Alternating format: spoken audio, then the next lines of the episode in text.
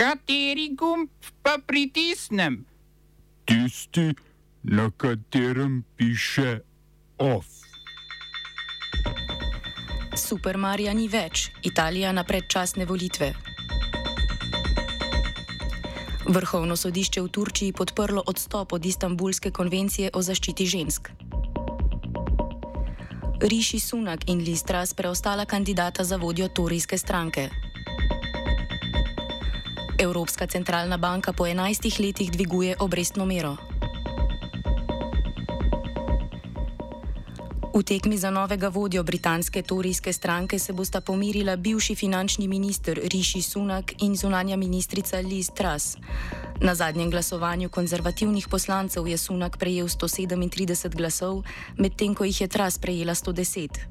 Iz tekme je izpadla ministrica za trgovino Perry Mordaunt, ki je prejela 105 glasov poslancev. O zmagovalcu bo odločalo okoli 160 tisoč članov konzervativne stranke, zmagovalec pa bo predvidoma postal tudi novi premijer Združenega kraljestva. Rezultati glasovanja bodo znani 5. septembra.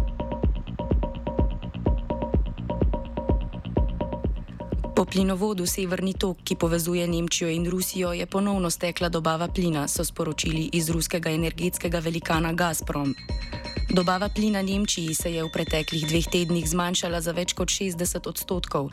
Razlog za to pa je bila po informacijah Gazproma okvara turbine, ki so jo za popravilo morali poslati v Kanado.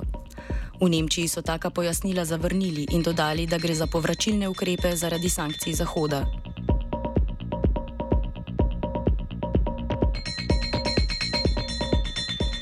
Italijanski premijer Mario Draghi je predsedniku države Sergio Mattarelli ponudil odstop, ki ga je ta tudi sprejel. Draghi je svoj odstop ponudil potem, ko je v, ko v sredo na glasovanju o zaupnici ni dobil široke podpore v senatu. V 315-članskem senatu je Dragija podprlo 95 senatorjev, 39 jih je bilo proti.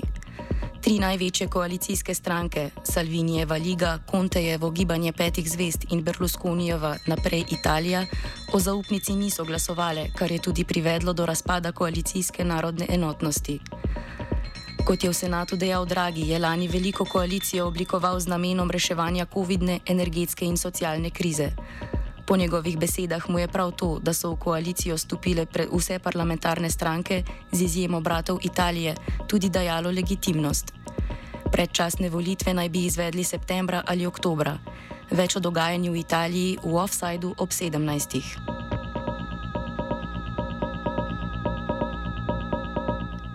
Svet Evropske centralne banke je za pol odstotne točke dvignil glavne obrestne mere za evrsko območje. To je prvi dvig centralne obrestne mere po juliju 2011. Centralna obrestna mera tako po dolgem času ni več negativna, ampak je točno na ničli.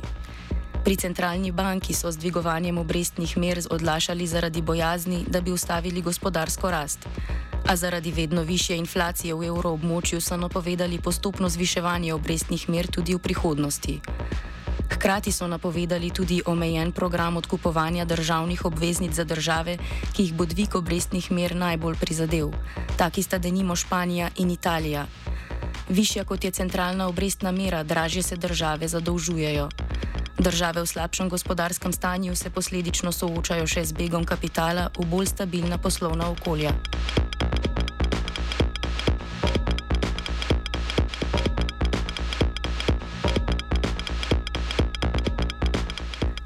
V prvih šestih mesecih letošnjega leta je Kitajska kupila dobri dve toni ruskega utekočinjenega zemljskega plina v vrednosti dobrih dveh milijard evrov. V istem obdobju lani je Kitajska od Rusije odkupila slabih 29 odstotkov manj utekočinjenega plina. Prav tako je Kitajska povečala uvoz ruskega plina po plinovodih.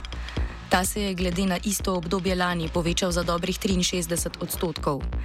Rusija je tako postala četrti največji dobavitelj utekočinjenega zemljskega plina na Kitajsko, s tem pa je prehitela Združene države Amerike in Indonezijo.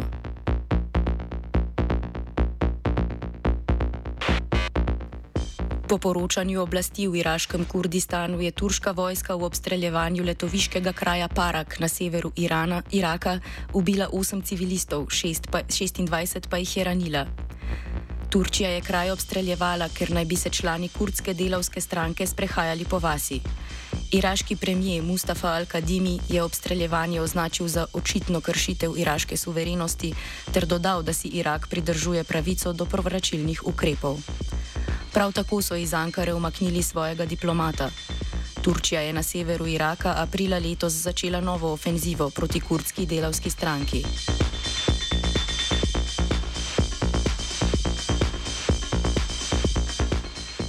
Vrhovno sodišče v Ankari je presodilo, da je bila odločitev turškega predsednika Ređepa Tajpa Erdoana o izstopu države iz Istanbulske konvencije o zaščiti žensk pred nasiljem marca lani v skladu z zakonom. S tem je razveljavilo peticije, ki so jih na vrhovno sodišče naslovile aktivistične skupine, ki so odločitev o umiku iz konvencije s predsedniškim odlokom označile za nezakonito. Izstop iz konvencije se je zgodil potem, ko je več konzervativnih članov Erdoganove stranke za pravičnost in razvoj kritiziralo konvencijo, saj naj ta ne bi bila v skladu s konzervativnimi vrednotami države, ker promovira ločitve in uničuje tradicionalno družino. Zaradi odločitve sodišča je po državi potekalo več protestov, na katere je policija nasilno odreagirala. Po poročanju skupine We Will Stop Femicide je v Turčiji letos življenje izgubilo že 226 žensk.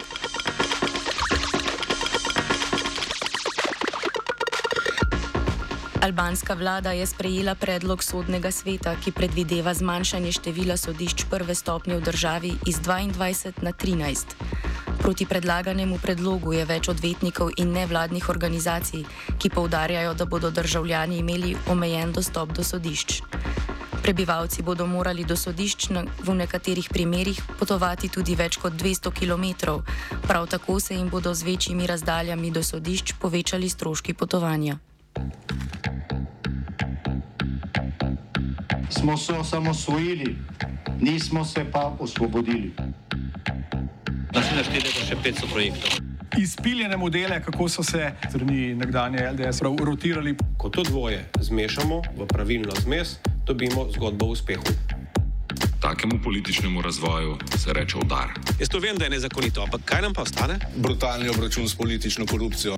To je Slovenija, tukaj je naša zemlja, to je Slovenija, Slovenija. Slovenska demokratska stranka je v državni zbor uložila 6200 podpisov za podbudo za razpis zakonodajnega referenduma o vladni noveli zakona o RTV Slovenija. V stranki so kritični do novega načina imenovanja sveta RTV Slovenija, ki po mnenju stranke izključuje gledalce in poslušalce, drugim skupinam pa daje pooblastilo neposrednega imenovanja članov. V stranki prav tako menijo, da novi zakon RTV-ja ne bi depoliti depolitiziral. Poslanci bodo v državnem zboru o noveli zakona zopet glasovali danes na izredni seji, potem ko je državni svet na ta zakon v sredo izglasoval veto. Prav tako bodo ponovno odločali o zakonu proti škodljivim ukrepom oblasti, ki ga je vložil inštitut 8. marec. Za konec informativnega programa še sporočilo kandidatke za predsednico države Nine Krajnik. Bodite etični, ker ko boste etični, boste lahko pogumni, pogumno odkrivali tisto, kar je resnica in slediti temu uh, je dobra popotnica za vsak medij, tudi za radio študent. OF je pripravil Žan.